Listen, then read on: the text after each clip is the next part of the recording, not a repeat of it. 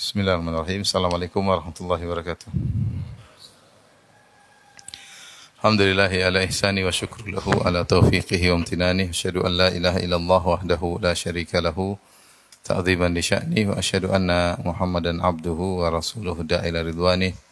Allahumma salli alaihi wa ala alihi wa ashabihi wa ikhwani. Ikhwan dan akhwat yang dirahmati Allah Subhanahu wa taala, kita lanjutkan bahasan kita dari surat Sad dan kita masuk pada ayat ke-45 dan seterusnya. Allah Subhanahu wa taala berfirman, "Wadhkur ibadana Ibrahim wa Ishaq wa Yaqub ulil aidi wal absar inna akhlasnahum bi khalisatin dzikrad dar wa innahum indana laminal mustafain al akhyar." Wadhkur Ismail wal Yasa' wa dzal kifl wa kullun minal akhyar. Kata Allah Subhanahu wa taala, dan ingatlah hamba-hamba kami Ibrahim, Ishak dan Yakub ulil aidi wal absar yang memiliki kekuatan dan ilmu. Inna akhlasnahum bi khalisatin dzikrad dar. Sungguhnya kami telah memilih mereka dengan perangai yaitu mengingat hari akhirat. Wa innahum indana laminal mustafainal akhyar dan sungguhnya mereka di sisi kami termasuk orang-orang yang terpilih. Wadhkur Ismaila wal Yasa dan ingatlah Ismail dan Al Yasa wa Dzal Kifl dan Dzul Kifli wa kullun minal akhyar yang sebenarnya termasuk hamba-hamba kami yang terpilih.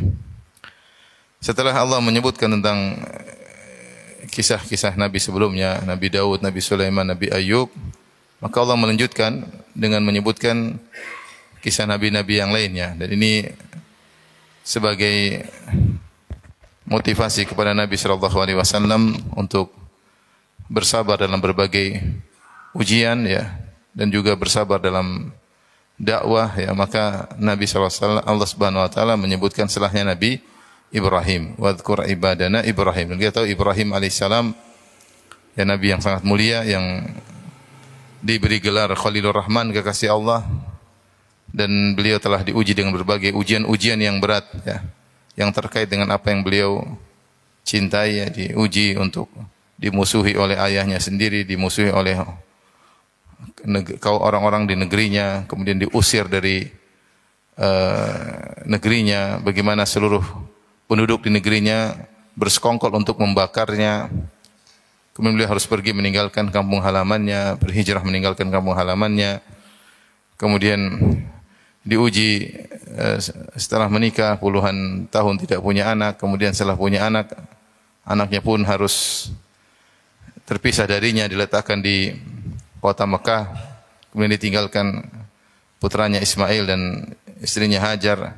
Kemudian setelah itu diuji lagi untuk menyembelih anaknya, ya dan berbagai macam ujian yang dijalani oleh Nabi Ibrahim alaihissalam sehingga beliau membuktikan bahwasanya beliau mendahulukan apa yang Allah cintai daripada apa yang dia sukai ya.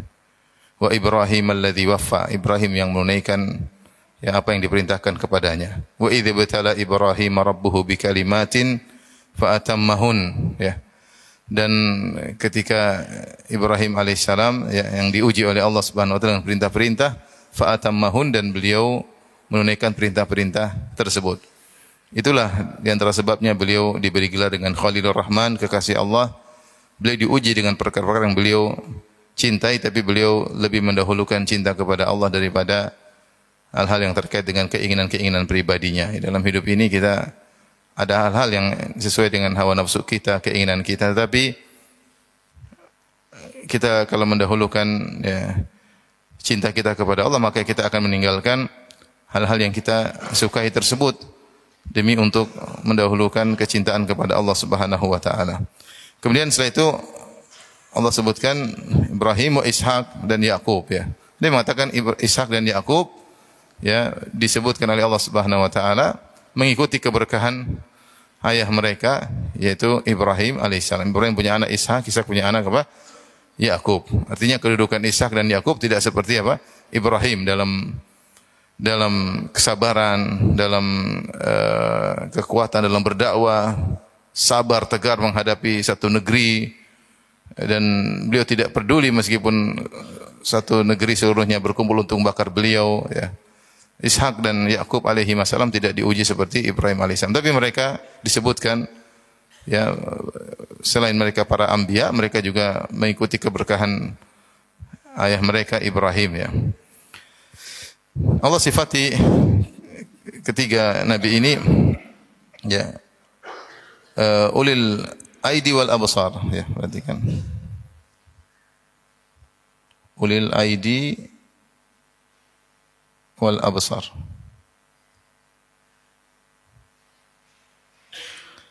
Pemilik al-aidi, al-aidi jamak dari yad, ya jamak dari tangan. Al-absar jamak dari basar ya. Kalau uh, al-absar maka ijma ulama al-absar maksudnya maksudnya mereka adalah ulil ilm, mereka memiliki pandangan ya, yang yang kuat tentang al-haqa'iq. Ini hum yubsirun al-haqa'iq, yaitu mereka memandang mampu memandang atau melihat kebenaran. Secara makna maksudnya mereka di atas ilmu, di atas ilmu yang tinggi. Ilmu dan ya dan keyakinan yang tinggi.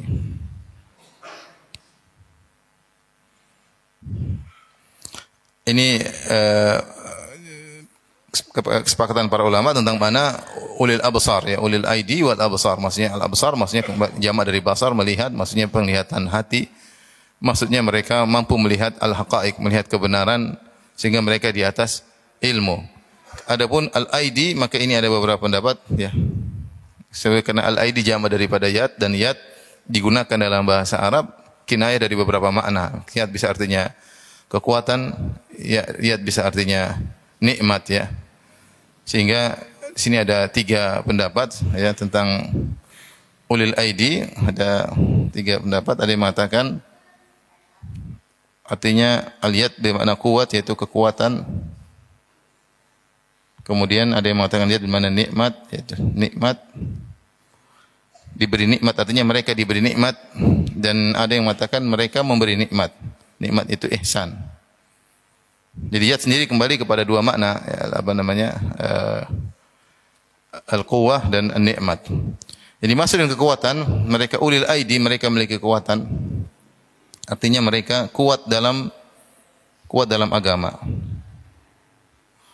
Dan kebanyakan ahli tafsir menafsirkan dengan tafsir ini bahwasanya ulil aidi mereka kuat dalam agama yaitu dua makna dalam ibadah mereka kuat kemudian dalam berdakwah dalam berdakwah.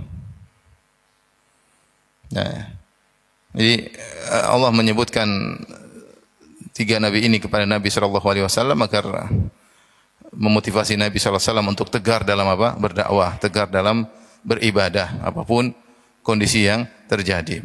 Inilah contoh para anbiya yang mereka uh, kuat dalam beribadah dan kuat dalam berdakwah ya bagaimanapun rintangan yang mereka hadapi, mereka kuat dalam beribadah. Itulah sifat kekuatan yang mereka miliki. Adapun ulil nikmah maksudnya yang pertama adalah mereka diberi nikmat yaitu ulaika alladzina an'amallahu alaihim yaitu diberi hidayah oleh Allah Subhanahu wa taala, diberi petunjuk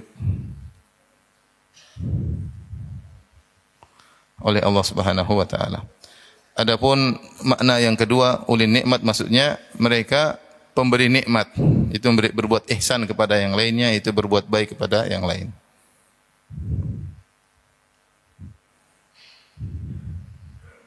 Berbuat baik kepada yang lain. Oleh para ambia, apa pun yang terjadi pada mereka, mereka bukanlah pendendam, mereka bukan orang yang uh, jahat, ya. Mereka tetap berbuat baik kepada orang lain, ya. Menjalani apa yang Allah takdirkan mereka dengan penuh kesabaran. Dari sini sebagian ulama mengatakan seharusnya demikianlah orang-orang yang beriman memiliki sifat apa namanya kuat dan ilmu ya kuat dan ilmu dan itulah yang dipuji oleh Allah Subhanahu wa taala dipuji oleh Nabi sallallahu alaihi wasallam ya bahwasanya uh, apa namanya al-mu'minul qawi khairu minal mu'min al-dhaif bahwasanya mukmin yang kuat lebih dicintai Allah daripada mukmin yang lemah. Jika ditafsirkan kekuatan di situ adalah kekuatan ya dalam iman, dalam iman. Sehingga kalau seorang hidup kemudian memiliki kekuatan fisik tidak digunakan untuk agama maka kehidupannya hanya sia-sia. Kehidupannya hanya sia-sia. Para anbiya mereka kuat dalam berdakwah, kuat dalam uh, beribadah, kekuatan mereka mereka gunakan untuk itu, ya. Kekuatan mereka mereka gunakan itu. Adapun seorang kemudian fisiknya kuat, mungkin uh, kekar tubuhnya, tapi ternyata tidak kuat dalam beribadah, tidak sabar dalam uh, menjalankan ajaran-ajaran Allah Subhanahu wa taala, maka kekuatan mereka hanyalah kekuatan yang sia-sia, ya. Kekuatan mereka hanyalah kekuatan yang sia-sia, hanya menjadi beban mereka pada hari kiamat kelak ya. Hanya menjadi beban mereka pada hari kiamat kelak. Maka ini isyarat pada kita kalau memiliki kenikmatan duniawi maka ya digunakan untuk akhirat, digunakan untuk akhirat. Kekuatan apa pun, baik kekuatan harta, kekuatan fisik, ya, eh, kekuatan kecerdasan, maka hendaknya orientasinya adalah untuk akhirat. Jika tidak, maka hanya sia-sia.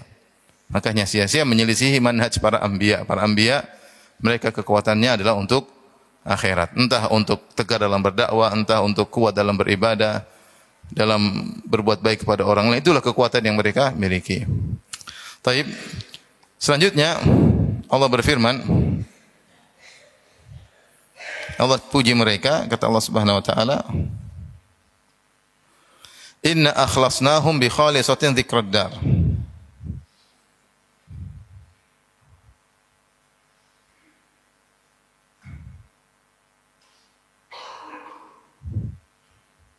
bi khalisatin dzikrad dar. Ini agak sabar sedikit ini ada urusan bahasa ya. Taib. Uh, ada yang perlu kita bahas pertama masalah zikra ya. Kami jadi ini akhlasnahum bi khalisin dzikrad dar ini ada beberapa makna nanti akan kita jelaskan. Sebelumnya kita jelaskan dulu uh, terkait dengan bahasa. Ad-dar kalau diitlakan dar dalam dalam Al-Quran maka maksudnya adalah darul akhirah. Maksudnya adalah dar al-akhirah, yaitu darul qarar. Darul qarar ya. Dar aslinya tempat tinggal. Karena tempat tinggal sejati adalah apa? Akhirat. Apakah dia uqubad dar, nikma, nikma uqubad dar atau su'ud dar? Cuma dua. Dar maksudnya akhirat. Apakah tempat tinggal yang terbaik yaitu surga atau suuddar walahum lahumul la'natu walahum suuddar atau mereka mendapatkan suuddar itu neraka jahanam neraka jahanam karena itulah tempat yang sesungguhnya ya Inna ma hadhil hayatud dunya mata wa innal akhirata hiya darul qarar sungguhnya akhirat adalah tempat tinggal yang menetap ya tempat tinggal yang menetap ya Wa innal wa inad daral akhirata lahiyal hayawan. Sungguhnya kehidupan negeri akhirat itulah kehidupan yang sesungguhnya. Isyarat bahwasanya dunia itu bukanlah ad-dar. Dunia itu bukanlah apa? Ad-dar ya. Ad-dar yang sesungguhnya bukan tempat tinggal sesungguhnya tapi dia darul ubur atau tempat untuk lewat ya. Sebentar ya. Uh, bukan tempat tinggal yang sesungguhnya. Maka kalau Allah sebutkan dalam Al-Qur'an ad-dar, maka maksudnya adalah apa? akhirat. Dan dar tadi saya sebutkan ada dua kemungkinan ya. E, surga atau apa? Neraka. Kemudian zikra. Zikra ini e, ada dua kemungkinan zikra disebut oleh para ahli tafsir. Yang pertama dia adalah masdar dari zakara ya masdar dari zakara. Fi'il sulasi, tiga zakara, itu ingat. Artinya apa? Ingat. Dapat yang kedua, zikra itu masdar dari sehingga masdar dari zakara rubai mazid ya. Zakara dari tazkir yaitu mengingat mengingat uh, dua-duanya mereka sebutkan bahwasanya uh, Zikra kalau dari zakara maka dia adalah masdar. Tapi kalau dari zakara mereka mengambil isim masdar ya, isim masdar. Isim masdar itu adalah isim yang maknanya seperti masdar hanya saja tidak mengandung seluruh huruf-huruf dari fiilnya ya. Isim maknanya apa? Masdar tapi tidak mengandung seluruh huruf-huruf apa? E, fiilnya. Seperti ata, ata isi masdar. Dia dari ata yu'ti, ata. Ata hurufnya apa saja? Hamzah, ain, ta sama apa? Ya, ketika disebut ata hamzanya hilang. Ini disebut dengan isi masdar. Maknanya sama dengan masdar. Cuma istilah para eh, ahli nahu atau ahli bahasa mereka mengatakan namanya isim masdar. Kalau masdar itu diambil dari fiilnya biasanya dengan tambahan huruf seperti a'ta masdarnya i'ta ya ini contoh a'ta masdarnya apa i'ta huruf hamzanya ada oke okay, ada ainnya ada toknya juga ada ya ya ini gantian dari ya i'ta tapi kalau atau ini namanya ini isim masdar. Isim masdar. Kalau ini apa tadi, Mas? Masdar. Apa bedanya? Secara makna enggak ada, enggak ada bedanya. Cuma ini disebut isim, yang satu namanya apa? Masdar. Ya. Makanya disebut isim adalah isim yang maknanya seperti masdar. Paham? Enggak paham. Isim yang maknanya seperti masdar ya. Itu namanya isim masdar. Ciri-cirinya isim masdar ada hurufnya yang kurang. Ciri-cirinya ada huruf yang kurang. Huruf fiilnya yang kurang.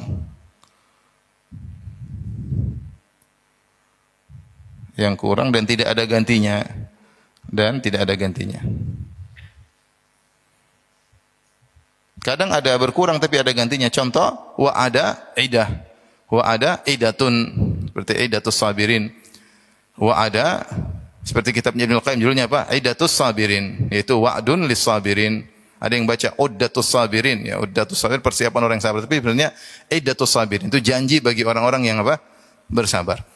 Uh, idah dari wa'ada. Di situ huruf waw hilang, tapi waw diganti dengan tak marbutah. Contoh Perhatikan wa ada. Wa ada ini janji. Masdarnya apa? Iddatun. Ini bukan isi masdar, ini masdar. Kenapa? Karena meskipun huruf waw hilang, tapi huruf waw berubah menjadi apa? Takmar buta. Sehingga tetap dikatakan masdar. Karena ada huruf yang hilang tapi diganti dengan huruf yang lain. Fahim tum? Alhamdulillah. Taib.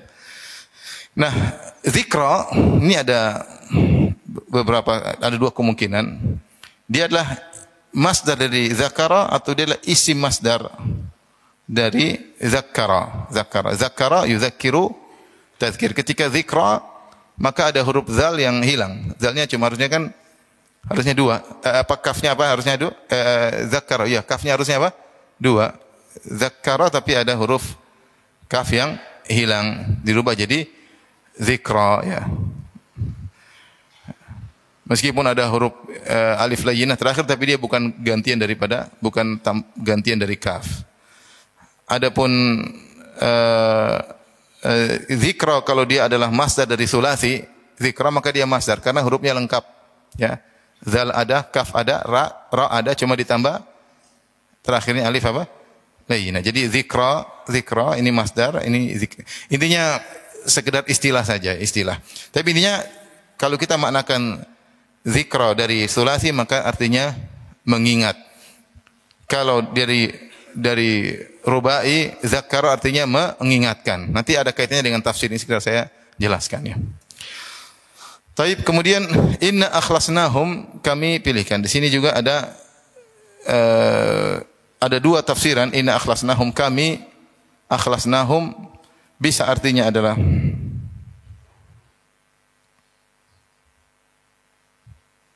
dua tafsir. Yang pertama artinya inna akhlasnahum yaitu kami sucikan, kami bersihkan, kami bersihkan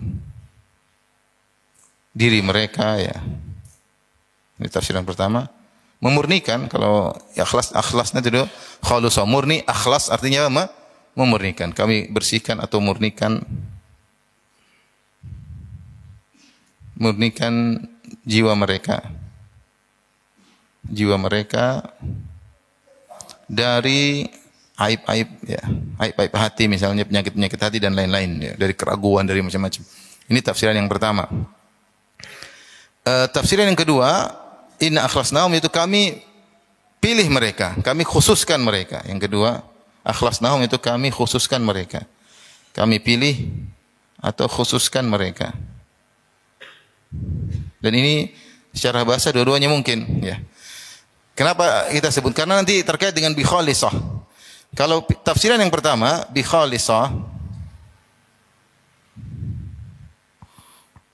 bi khalisah, maka ba di sini kami bersihkan mereka bi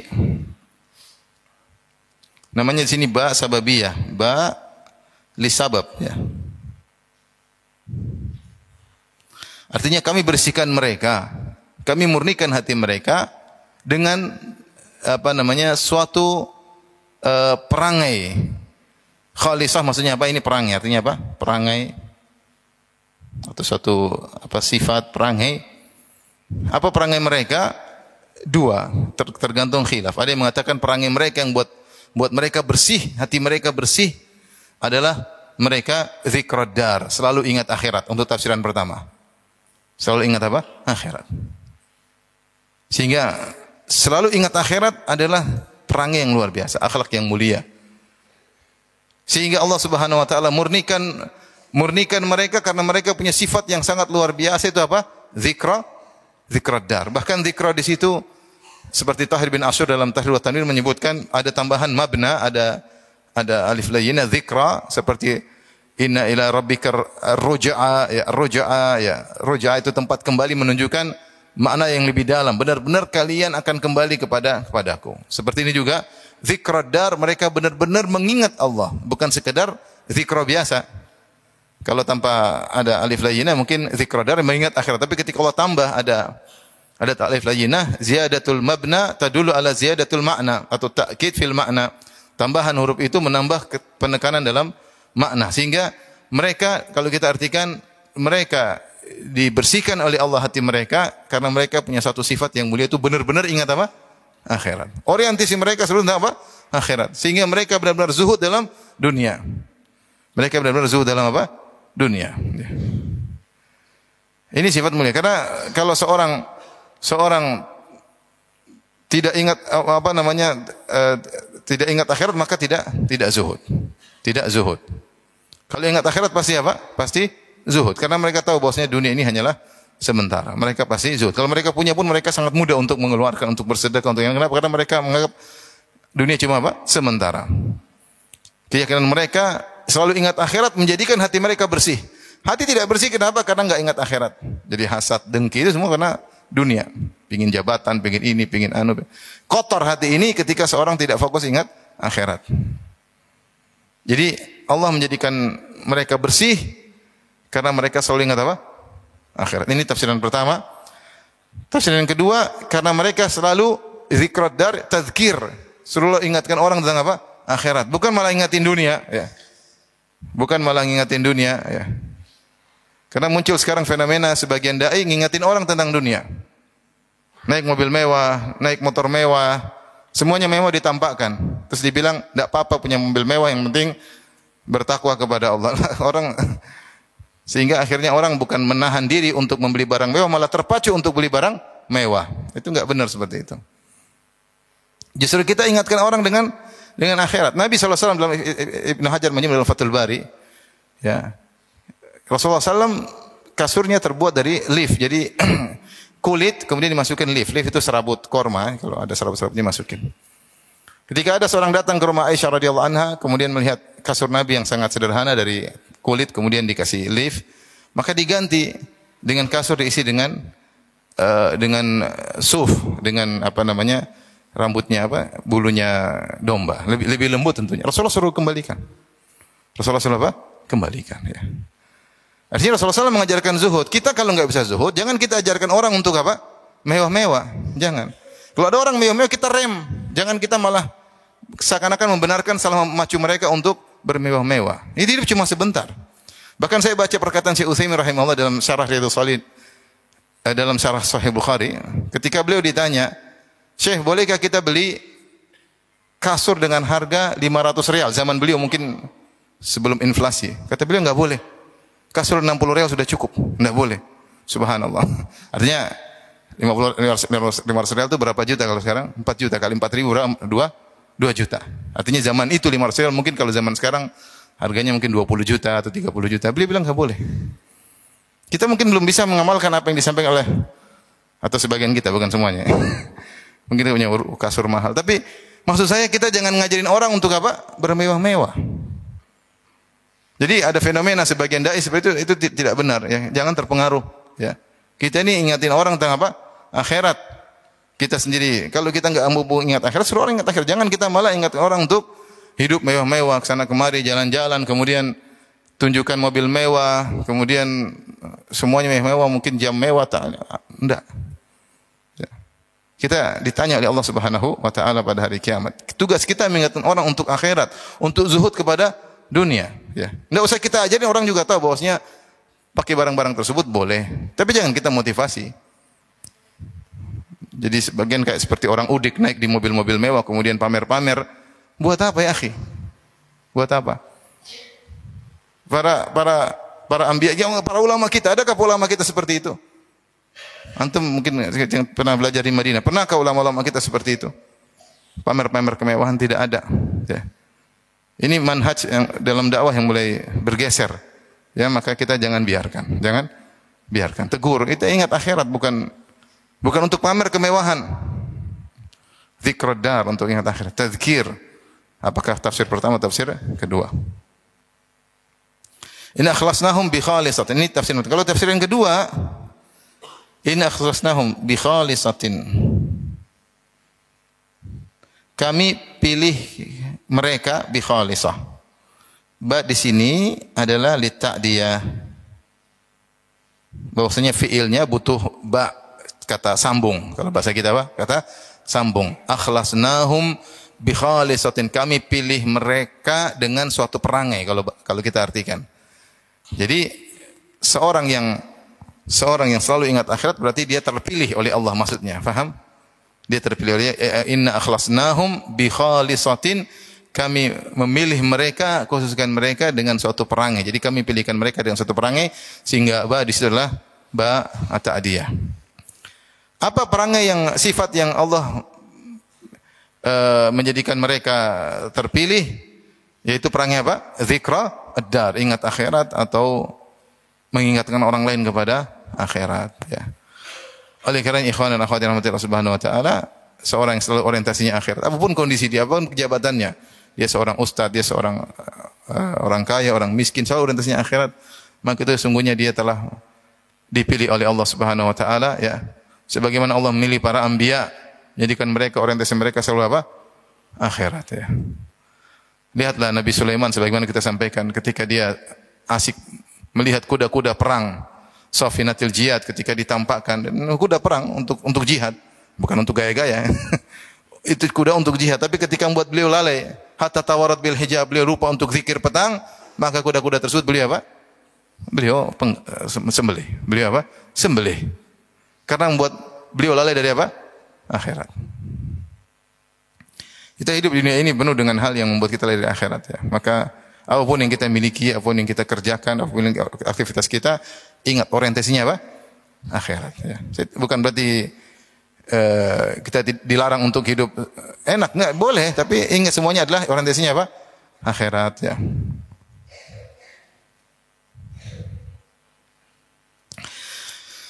Taib. Lanjut apa sudah? Khalisah ini bisa masdar, bisa isim masdar, bisa juga isim fa'il. Tapi enggak usah lah, nanti antum tambah puyeng. Lanjut ya. Tapi kita lanjut ayat berikutnya. Kata Allah Subhanahu wa taala setelah itu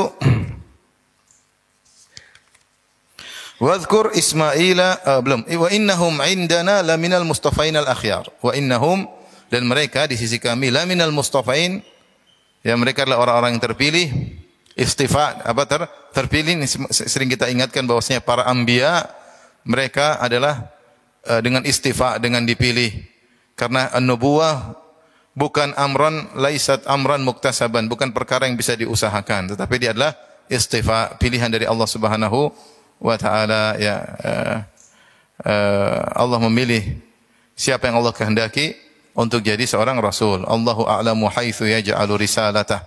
Allah tahu di mana Allah letakkan uh, risalahnya ya ya. Uh, Wallahu yastafi minal malaikati rusulan wa minan nas. Allah memilih di antara para malaikat menjadi utusannya dan Allah memilih di antara manusia. Maka namanya kenabian tidak bisa diusahakan. Tidak seperti pendapat para filsuf Ibnu Sina, kemudian Farabi yang mereka mengatakan bahwasanya kenabian adalah perkara yang bisa diusahakan. Jika seorang melakukan latihan-latihan tertentu, kemudian dia melepaskan sifat jasadnya dan membiarkan sifat kerohaniannya, sifat akalnya, kemudian dia connecting dengan akal faal yang mereka sebut akal faal, akal yang aktif, maka akal faal ini adalah faid dari dari apa namanya kausa prima, dari al-ilatul ula, maka jadilah manusia tersebut menjadi seorang nabi. Karena dia connecting dengan al-akal faal. Antum enggak paham kan? Eh, saya cuma jelasin aja nanti ada pembahasannya dalam syarah akidah al-wasitiyah. Tapi begitulah proses menjadi seorang nabi. Dalam tubuh kita ini ada sifat al-aql dan itu sifat utama manusia dan sifat raga, jasad. Nah, untuk bisa menjadi seorang nabi dia harus melakukan latihan mensucikan jiwanya sampai dia terlepas dari raganya, kemudian jiwanya pun terkonektikan dengan terconnecting dengan salah satu faid dari faidul ilahi yang disebut akal faal. Setelah terkena akal faal maka jadilah dia seorang seorang nabi. Akal faal itu yang disebut oleh Farabi itu adalah Jibril alaihissalam. Jadi bukan malaikat seperti yang kita bayangkan. Semua yang disebut malaikat Jibril punya sayap itu semua hanyalah kinayah cuma kiasan. Dia tidak beriman dengan hakikat malaikat Jibril. Ya, sehingga tidak namanya eh, semuanya hanyalah kuatut takhil dan kuatut dan macam-macam intinya mereka mengatakan bahwasanya kenabian bisa diusahakan. Padahal kita mengatakan tidak. Karena kalau kenabian bisa diusahakan, maka Nabi Muhammad SAW bukan nabi terakhir, ya enggak? Bukan nabi terakhir, berarti ada nabi-nabi setelahnya. Kalau antum latihan-latihan terus lama-lama nanti ada yang datang kum fa'anzir. Bangkit dan beri peringatan. Antum boleh latihan itu tidur, ya ayyuhal mudaththir kum fa'anzir. Itu enggak benar, kekufuran. Menganggap ada kenabian diraih dengan latihan maka itu adalah kekufuran. Dan banyak nabi-nabi tidak latihan. Nabi Isa kecil sudah bisa bicara tidak? Ada latihan-latihan. Tidak pakai latihan tahu-tahu bisa bicara. Nabi Yahya sejak kecil ada yang mengatakan sudah menjadi seorang nabi. Tidak pakai latihan-latihan setelah Allah langsung beri beri wahyu. Ya Yahya khudil kitab bil quwwah. Ya. Dan yang benar bahwasanya kenabian bukan amrun muktasab tapi dia adalah istifa pilihan dari Allah Subhanahu wa taala. Kemudian al-akhyar. Al-akhyar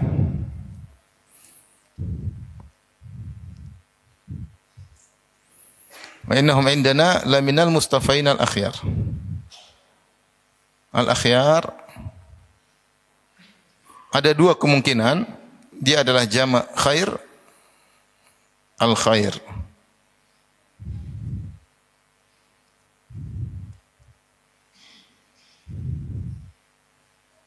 Al khair artinya yang, ter, yang terbaik kan? Ya apa yang? Yang terbaik. Artinya apa al khair? Yang terbaik. Eh hadza min akhyarin nas itu min afadilihim termasuk orang yang terbaik. Yang kedua maknanya dari jamak dari al khair. Al khair. Al khair itu kathirul khair. Yang banyak kebaikannya.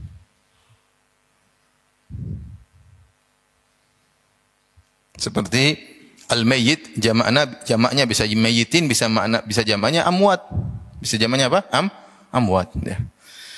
Dan dua-duanya makna masuk dalam para anbiya, mereka adalah orang-orang minal mustafain al-akhyar termasuk orang yang terpilih uh, yang terbaik atau al-akhyar maksudnya yang banyak apa? kebaikannya. Karena para anbiya mereka makhluk-makhluk Allah yang terbaik dan juga makhluk-makhluk yang penuh dengan keberkahan. Keberkahan. Jasad mereka berkah, liur mereka berkah, sisa wudhu mereka berkah, dan kegiatan mereka semuanya berkah, sabda mereka semuanya apa? Berkah. Ya. Selalu bermanfaat bagi yang yang lain. Ya. Oleh karenanya di antara tafsiran dalam surat Maryam ketika Nabi Isa mengatakan wa ja'alani mubarakan aina ma kuntu. Allah Subhanahu wa taala menjadikan aku berkah di mana pun aku berada yaitu mualliman lil khair. Mereka, beliau selalu mengajarkan apa? kebaikan. Sehingga keberadaan beliau di mana pun menjadi berkah. Itulah sifat para anbiya. Kalau kita ambil dari kata al khair yaitu yang banyak kathirul khair. Atau al akhyar tadi minal mustafain al akhyar yaitu mereka adalah orang-orang pilihan. Kemudian Allah sebut wadhkur Ismail. Timbul pertanyaan. Dan ingatlah Ismail. Kenapa Ismail tidak digandengkan tadi? Wadhkur ibadana Ibrahim wa Ishaqa wa Ismail atau wadhkur ibadana Ibrahim wa Ismail wa Ishaqa wa Yaqub. Kenapa Ismail disendirikan? Bukankah anak pertama Ibrahim siapa? Ismail alaihissalam. Baru kemudian Ishak.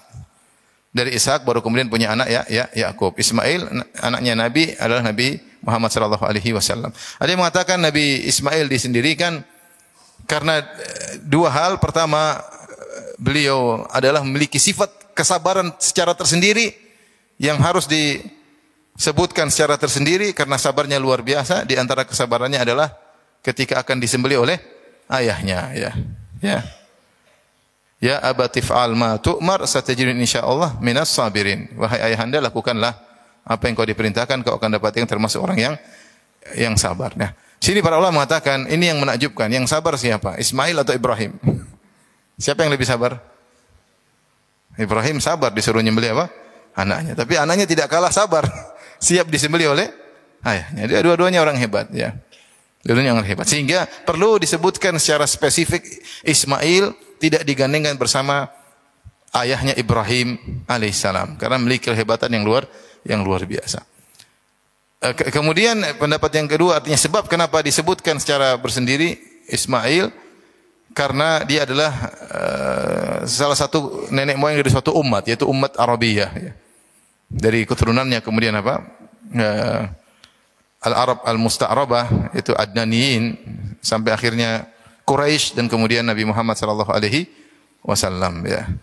Sehingga banyak Arab uh, di Hijaz ya dari keturunan Nabi Ismail alaihissalam sehingga dia perlukan disebutkan secara tersendiri karena dia mewakili jumlah manusia yang sangat banyak. Sebagaimana Ishak dan Yakub mewakili Bani Israel.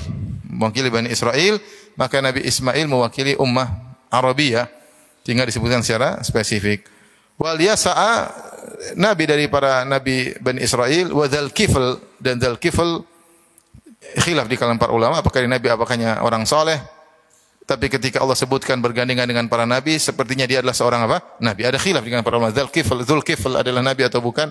Tapi melihat konteks dia disebutkan bersama rangkaian para nabi yang lain, maka berarti dia seorang apa? Nabi. Kemudian khilaf tentang makna Dzulkifl apa maknanya. Kemudian kata Allah, wa kullun minal akhyar. Dan semuanya termasuk dari al-akhyar. Sesuai dengan dua makna yang tadi kita sebutkan.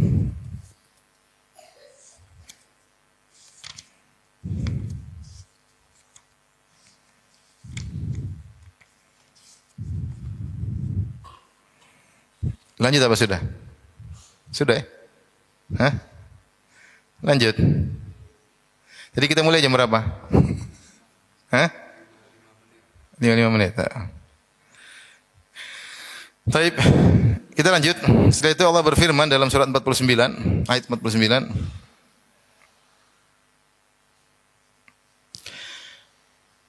Setelah Allah menyebutkan para anbiya, kisah para nabi ya. Ya, uh, yang telah lewat ya agar Nabi termotivasi bersabar menghadapi orang Quraisy ya sebagaimana para anbiya sebelumnya bersabar dalam ibadah dalam berdakwah ya maka Allah mengatakan hadza dzikrun ini adalah penyebutan hadza dzikrun ya Zikrun di sini ada yang mengatakan apa yang telah lalu penyebutannya ya, sebagai bentuk penghormatan kepada mereka. Kami sebutin mereka sebagai bentuk penghormatan pada mereka dan konsekuensinya untuk ditiru, untuk diikuti. Bukan sekedar disebutin aja, tapi disebut sebagai bentuk penghormatan kepada mereka dan untuk diteladani, untuk diteladani. Ada yang mengatakan hadza dzikrun maksudnya dzikr maksudnya Al-Qur'an. Ini adalah Al-Qur'an, ya. Kemudian kata Allah wa inna lil muttaqina la husna ma'ab dan sungguhnya bagi orang yang bertakwa ada tempat kesundahan yang baik. Maksudnya ketika Allah memuji mereka para anbiya, kemuliaan bukan terbatas kepada mereka. Siapa yang mengikuti mereka, orang bertakwa dari orang-orang setelahnya, dari umatnya, maka mereka juga bisa mendapatkan yang sama. Itu mendapatkan kesudahan yang indah, kesudahan yang yang indah. Dan takwa ya kalau disebutkan secara bersendirian makanya mencakup melaksanakan kebajikan dan meninggalkan uh, kemaksiatan. Maka seorang dalam hidup ini berusaha uh, melakukan kebajikan yang dia mampu kebajikan dengan lisannya, kebajikan dengan pandangannya, kebajikan dengan telinganya, bahkan kebajikan dengan pikirannya. Dia berusaha cari pahala dari segala sisi.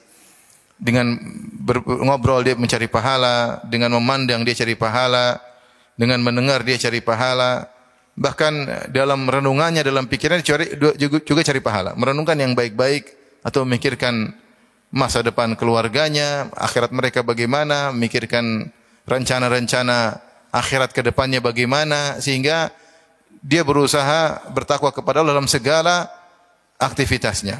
Ya, dalam pandangannya dia bertakwa, tidak melihat kecuali yang dibenarkan dalam syariat ya. Kemudian dia berusaha meninggalkan kemaksiatan dalam segala bentuk kemaksiatan semaksimal mungkin. Tentunya kita tidak ada yang mampu seperti itu, tapi berusaha. Kalau kita tergelincir, kita segera istighfar kepada Allah Subhanahu wa taala. Jangan menggampangkan kemaksiatan apa pun. Dan saya sering sampaikan, kita hidup di zaman penuh dengan fitnah, terutama maksiat mata. Ini hati-hati seorang main medsos, maka jangan sampai dosa terus dia kumpulkan setiap hari dengan melihat hal yang diharamkan oleh Allah Subhanahu wa taala ya. Saya bilang kalau antum tidak ada kegiatan, udahlah nggak usah buka-buka medsos ya. Kegiatan di rumah masih banyak, mijit istri kegiatan. Ngurusin anak-anak masih banyak, baca Quran. Kalau enggak ngisi luang waktu, nonton YouTube, udah. Hati menjadi kotor, sholat tidak khusyuk, melihat yang haram, dengar berita yang tidak-tidak, ya. Hanya buang-buang umur. Kita menyesal nanti. Oleh karenanya, saya tidak bosan-bosan mengingatkan diri saya pribadi dan juga kepada ikhwan dan akhwat, kita di dunia boleh hidup sederhana, tapi jangan sederhana di akhirat ya. Di akhirat kita harus punya aset yang banyak ya. Kalau mau punya aset yang banyak, kita harus punya modal. Apa modal untuk punya aset yang banyak? Waktu luang.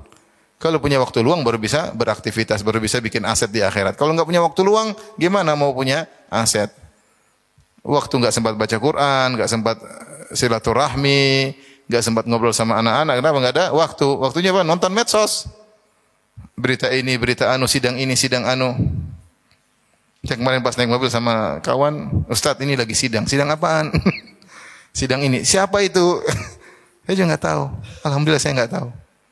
Nanti kalau rame-rame saya pasti dengar, pasti jadi obrolan. Pasti jadi apa? Obrolan. Oleh karenanya antum jangan buang-buang umur ya. Jangan bilang saya masih muda ya. Banyak yang muda udah meninggal ya. Oleh karena yang tua-tua kan jarang. Coba yang tua-tua hadir mana? Yang umur 70 tahun ke atas ada yang 70 tahun ke atas? Enggak ada kan berarti orang pada mati muda bukan mati tua ya. Yang 60 tahun ke atas yang mana? Ada 60 tahun ke atas. Ya alhamdulillah ada. Cuma satu, yang lain mati muda semuanya. Ah, dua ya. Yang lain mati muda. Jangan bilang saya tua nanti saya masih muda. Tidak ada orang banyak mati mati muda bukan mati tua. Hmm. Karenanya umur dihemat-hemat ya. Jangan buat lihat medsos ya. Jadi orang bertakwa menjalankan perintah Allah dan menjauhi apa? larangan ya. Kita semua mukasir, kita semua kurang dalam tapi kita saling mengingatkan. Kalau nggak saling mengingatkan nanti kita lupa. Kita lalai. Bukan berarti pembicara sudah menjalankan, enggak. Saya, saya sedang mengingatkan diri saya sendiri. Kemudian Allah berfirman, jadi kebahagiaan akhirat ya berupa kesudahan yang indah bukan cuma para anbiya yang memilikinya. Siapa pun bertakwa yang menghitung mereka, maka bisa mendapatkan kesudahan yang indah ya. ya. Kalau kita di dunia hidup susah, susah, jangan sampai di akhirat juga susah ya. Dunia sudah susah, di akhirat menderita, kasihan ya. Boleh orang berbangga-bangga dengan mobil mewahnya, berbangga-bangga dengan jam mahalnya, berbangga-bangga dengan ya, ngapain antum Enggak, enggak gitu juga enggak apa-apa kok hidup enggak begitu juga belum tentu bahagia. Hidup begitu juga belum belum tentu bahagia. Atau mungkin orang punya mobil mewah kemudian bahagia belum tentu. Belum tentu bahagia. Antum makan tempe sama kangkung tumis tidur bahagia. Bangun subuh sebelum subuh salat malam bahagia. Bahagia itu mudah ya. Enggak harus kemudian mobil-mobil yang mahal-mahal itu cuma semua aja. Dia dia dia dia merasa baik karena ada yang meng, meng, meng, mengeluh-ngeluhkannya. Kalau enggak ada dia enggak bahagia. Karena mobil mewah mahal, pajaknya mahal, kemudian eh, perawatannya mahal, takut dimaling orang, takut macam-macam ya. Ini karenanya jangan sampai di akhirat kita pun menderita. Maka jadilah orang-orang yang bertakwa. Kemudian Allah sebutkan husna maaf itu apa? Jannati adnin. Mufattahatan lahumul abwab. Jannat adin. Adin ini menunjukkan kekal abadi. Ya. Kekal abadi. Ya. Mereka kekal dan penghuni surga semuanya bahagia dan puas. Mereka tidak ada hasil dari dengki. Bahkan meskipun ada penghuni surga yang lebih tinggi dari mereka, mereka tidak dengki. Semua mereka kata Allah la yabghuna anha hiwala. Mereka tidak ingin pindah dari eh, surga yang mereka tempati. Siapa yang masuk surga dia pasti apa? Bahagia. Dia pasti dalam puncak kebahagiaan, dia dalam puncak kenikmatan, dia dalam puncak kepuasan. Sehingga abadi bagi mereka jannati adnin. Di antara nama-nama surga, surga Aden. Maksudnya Aden itu memberi makna eh, kekal abadi. Kemudian surga tersebut kondisinya mufattahatan lahumul abwab ya hal mutafatan lahul abwab yaitu dibukakan bagi mereka pintu-pintu. Apa maksudnya dibukakan bagi mereka pintu-pintu? Maka dua tafsiran. Tafsir pertama maksudnya pintu surga ada dan mudah bagi mereka untuk buka, terbuka. Jadi tidak perlu uh, gitu nggak perlu. Tidak perlu minta izin sama penjaga. Pokoknya datang kebuka sendiri tinggal masuk mudah. Ya. Semuanya mudah ya, semuanya mudah. Kita nggak tahu bayangan seperti apa ya di eh, di surga seperti apa? Apakah tinggal tring kebuka gitu atau ada geseran ya? Pakai engsel gitu. Saya rasa enggak begitu ya. Artinya terbuka kapan dia mau masuk mudah. Kapan dia masuk mudah eh, sehingga tidak ada kulfah, tidak ada kesulitan sedikit pun dan tidak ada penjaga-penjaga yang membuat dia repot, maka Allah mengatakan mufattahah, terbuka baginya, mudah ya. Eh, tafsiran yang kedua mufattahah mufattahatan lahumul abwab maksudnya dia mau masuk dari pintu mana saja bisa karena pintu tidak terkunci karena fungsi kunci tidak tidak dibutuhkan di surga kata para ulama. Kenapa? Karena kita kunci pintu itu takut ada barang yang hilang, takut ada yang nyelonong masuk, takut hal-hal seperti kita perlu ada pintu, perlu ada kunci, perlu ditutup. Dan makna kekhawatiran tersebut tidak ada di surga sehingga pintu tersebut semuanya apa? Terbuka. Mufattahah maksudnya bebas mereka masuk dari pintu mana saja. Ada Rasul mereka dari sana dari sini semuanya terbuka bagi bagi mereka. Menunjukkan lapangnya mereka, nikmatnya mereka ke mana-mana bebas. Nah ini semua kerajaan mereka. Dan ini isyarat tentang penderitaannya penghuni neraka karena penghuni neraka pintunya ditutup. Alaihim narun mu Sada alaihim narum mu'sadah. Mu'sadah itu mutbaqah alaihim, muglaqah, tertutup. Kenapa pintu neraka tertutup? Panasnya semakin menjadi-jadi. Maka diungkap kemudian ditutup. Presto tambah panas enggak? Itu pintu neraka di presto, ditutup. Setelah ditutup kemudian uh, fi amadin mumaddadah dalam besi-besi tiang besi yang dilipatkan kepada mereka. Seperti ada pintu tutup belakangnya kasih besi atau kasih batu besar. Udah mau buka nggak bisa. Buka enggak? Enggak bisa. Jadi penghuni neraka dalam kesempitan panas yang bertambah-tambah karena mereka di presto. Diungkep ya. Ada penghuni neraka, penghuni surga, pintu terbuka, lapang, nyaman, ke mana-mana bebas. Makanya dikatakan mufattahatal lahumul abwab. Dibukakan bagi mereka pintu-pintu. Kemudian muttaqiina fiha, mereka bersandar di bertelekan di surga. Ittika menunjukkan kenyamanan yang luar biasa ya. Orang sudah duduk begini berarti udah nyaman. Kalau begini masih serius. kalau tidur tapi kalau udah begini oh nyaman. Jadi itu muttaqiin maksudnya mereka benar-benar apa? Nyaman. Eh enggak perlu ada pelayan banyak, bidadari banyak kanan kiri depan belakang bidadari banyak. Kemudian pelayan banyak, tinggal panggil mana-mana udah siap melayani ya. Ya uh, Gilman, ya, Wildan, ya, banyak. Sehingga kondisi mereka muttaqiin menunjukkan benar-benar dalam kondisinya kondisi nyaman, ya, tidak ada uh, kekhawatiran sedikit pun, tidak ada kesedihan sedikit pun. Yad'una fiha bifakihatin katsiratin wa syarab. Di surga mereka menyuruh minta untuk di, di, tinggal didatangkan fakihah buah-buahan yang banyak. Menunjukkan bahwasanya mereka bersenang-senang. Bersenang-senang fakihah. Fakihah artinya bukan untuk jadi isyarat bahwasanya di surga itu tidak ada lapar. Ini makan cuma untuk senang-senang doang. Untuk berlezat-lezat, bukan karena apa? Kelaparan ya. Kalau lapar sudah lapar selesai nggak bisa makan lagi. Tapi kathirah makan buah-buahan banyak ya. Buah-buah saja dengan berbagai macam ragamnya apalagi yang lainnya. Yang lainnya. Makanya penghuni surga minta makan apa saja akan dikabulkan Allah Subhanahu wa Sampai sebagian ahli tafsir mengatakan kalau seorang penghuni surga tahu-tahu ada burung terbang di surga, dia ingin makan burung tersebut langsung jatuh depan. Dia coba kalau burung ini dipanggang, langsung tiba-tiba jadi dipanggang. Dia tinggal makan. Tiba-tiba wah, coba kalau jadi goreng apa namanya kriuk-kriuk langsung berubah jadi goreng kriuk-kriuk. Apa sih yang terbetik di kepalanya langsung apa? Buah-buahan dengan berbagai macam model kathirah. Untuk bukan untuk kenyang tapi untuk senang-senang. Wa syarab, sini juga ada dua tafsiran, ada yang mengatakan wa syarabin kathir, sifatnya kathir tidak perlu disebut karena difahami. Karena Allah menyebutkan uh, fakihatin kathiratin berarti wa syarabin kathir. Maksudnya model minuman juga banyak atau syarabin ay min ay nau'in minas syarab. Yaitu minum mak apa saja yang mereka inginkan Allah akan berikan. Berbagai macam minuman di di surga.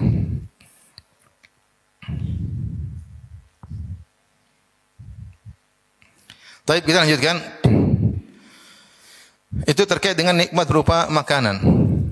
Wa indahum qasiratut tarfi atrab. Dan di sisi mereka ada qasirat qasiratut tarfi maksudnya yang menundukkan pandangan mereka maksudnya para bidadari. Sebagai masih disampaikan qasiratut tarf menundukkan pandangan ada dua tafsiran. Pertama yaitu para bidadari tersebut menundukkan pandangan mereka tidak melihat kepada laki-laki yang lain. Mereka fokus kepada suami-suami mereka. Bagaimana tidak Allah mengatakan lam yatumithunna insun qablahum wala jan mereka tidak pernah disentuh oleh uh, manusia dan jin mana pun tidak pernah menyentuh mereka ini kalau bidadari bidadari diciptakan hanya untuk suami-suami mereka. Mereka tidak pernah melihat lelaki lain. Nah, kalau tidak pernah lelaki lain berarti kalianlah yang paling tampan ya. ya tidak pernah tampan. Karena mereka tidak pernah melihat lelaki lain. Oleh karena kalau seorang punya istri yang tundukkan pandangan, tidak melihat yang lain, ini bahagia. Karena meskipun pas-pasan tetap aja kita paling tampan. Karena dia nggak pernah lihat. Tapi yang musibah kalau dia ngelihat sana sini. Lihat sana sini kemudian dia mengadakan komparasi, perbandingan, nah itu repot itu. Dari sini sisi anu ya itu repot. Istri seperti ini istri brengsek ya. Taib qasiratut tarf. Menunjukkan pan ini menunjukkan tidak melihat yang lain kecuali melihat suaminya saja yang karena diciptakan untuk mereka. Ada tafsiran qasiratut tarf ai qasiratu atrafi azwajihinna mereka menundukkan pandangan suami mereka. Artinya setiap penghuni surga kalau melihat bidadari pasti puas. Yang ini puas, yang itu puas semuanya karena di puncak kecantikan, di puncak kecantikan sehingga tidak perlu melirik-melirik ya. Apa yang Allah hidangkan di depan dia semua bidadari semuanya di puncak kecantikan sehingga pandangannya tertunduk ya. Setiap yang diberikan kenikmatan yang ada di surga semuanya di puncak kelezatan. Dia punya makanan, minuman, bidadari apa pun semuanya di puncak kelezatan. Atrab maksudnya sebaya. Ada tiga tafsiran. Tafsiran pertama atrab maksudnya sebaya para bidadari tersebut sebaya tersebut apa? Sebaya. Sebaya supaya uh, tidak ada kecemburuan di antara mereka. Ada bidadari muda, bidadari tua enggak? Semua apa sih? Seumur. Oh, bidadari, oh, bidadari tua kan enggak ada. Bidadari muda, semuanya sama. Umur 33 tahunan di puncak-puncak giat-giatnya ya. Di umur muda, ini pendapat pertama. Pendapat kedua, atrap maksudnya antara lelaki sampai surga dengan bidadari umurnya juga sama. Karena dengan adanya kesamaan umur maka kecintaan lebih langgeng. Karena umur sama ya. Kalau apa namanya seorang ngobrol sama umur sama nyambung ya. Nyambung ya. Kalau umurnya beda nggak nyambung ya. satu bicara mainan, satu bicara satu bicaranya apa? Eh, anu, satunya bicara mainan terlalu kecil, satunya terlalu besar ya. Sehingga terlalu tua nggak nyambung ya. Satu juga bicara main-main ke sana kemari, yang satu bicara mau ke kuburan. Gak nyambung. Tapi kalau umur sama, obrolan sama nyambung. Nah, itu namanya kawan ya, nyambung. Ini tafsiran kedua. Atrab maksudnya antara sang wanita dengan suaminya pasangannya di, di surga sama. Pendapat yang berikutnya menjamak di antara keduanya ini pendapat Tauhid bin Ashur ya maksudnya begitu wanitanya juga sama bidadarinya sama sama umur dan lelakinya juga sama umur dengan para bidadari tersebut sehingga kecintaan lebih langgeng tidak ada kecemburuan di antara mereka dan yang lainnya. Ada ma tu'aduna li yaumil hisab. Inilah yang kalian dijanjikan ya untuk apa namanya untuk hari hisab ya. Di sini ada iltifat. Iltifat yaitu Allah Subhanahu wa taala menggunakan dhamir gaib kata ganti orang ketiga hum hum mereka mereka kemudian tu adun kata ganti orang kedua. Inilah yang kalian dijanjikan. Ada yang mengatakan iltifat ini dari dhamir dhamir gaib kata ganti orang ketiga menjadi kata ganti orang kedua kalian dari mereka menjadi kalian kan bayangkan fiha uh, muttaqiina mereka bertelekan di surga menyuruh minta ini bagi mereka bidadari inilah yang kalian dijanjikan berubah dari domir gaib kata ganti orang ketiga menjadi kata ganti orang apa? Kedua. Namanya iltifat dalam istilah uh, tafsir iltifat. Uh, di antara fungsinya adalah bisa jadi kata mereka ya tafsir untuk memacu kita yang membaca kita baca Al-Qur'an. Seakan-akan kalian kalau mau seperti itu ya begini. Harus ingat ada namanya yaumul hisab. Kalau tidak ingat yaumul hisab, kita nggak akan termotivasi untuk beramal soleh. Kita ini akan dihisap, akan ada hati-hari perhitungan. Maka mumpung masih punya umur, semangatlah. Maka Allah sebutkan li yaumil hisab. Ini yang kalian janjikan. Ada yang mengatakan ini perkataan Allah hikayatkan kepada mereka nanti setelah mereka masuk surga dikatakan kepada mereka inilah yang kalian janjikan untuk hari hisab. Ya, dua tafsiran ya. Ini perkataan dihikayatkan kepada penghuni surga itu atau yang tafsiran kedua tadi saya sebutkan ini perkataan ditujukan kepada para pembaca. Kalau kalian ingin seperti mereka, persiapkan diri untuk apa? Yaumul hisab. Yang buat orang lupa adalah bima nasu yaumul hisab. Buat orang lupa dengan amal soleh karena lupa hari hisab. Merasa diri umur panjang, masih muda, masih bisa berbuat, masih beraktivitas. Tahu-tahu dicabut nyawanya oleh Allah Subhanahu wa taala. Inna hadza la rizquna ma lahu min nafat. Inilah rizki dari kami, anugerah dari kami, tidak ada habis-habisnya, tidak ada endingnya ya senantiasa abadi, nikmat yang luar biasa yang abadi di negeri kebahagiaan itu surga Allah Subhanahu wa taala. Demikian saja. Subhanakallah bihamdik asyhadu an la ilaha illa anta Assalamualaikum warahmatullahi wabarakatuh.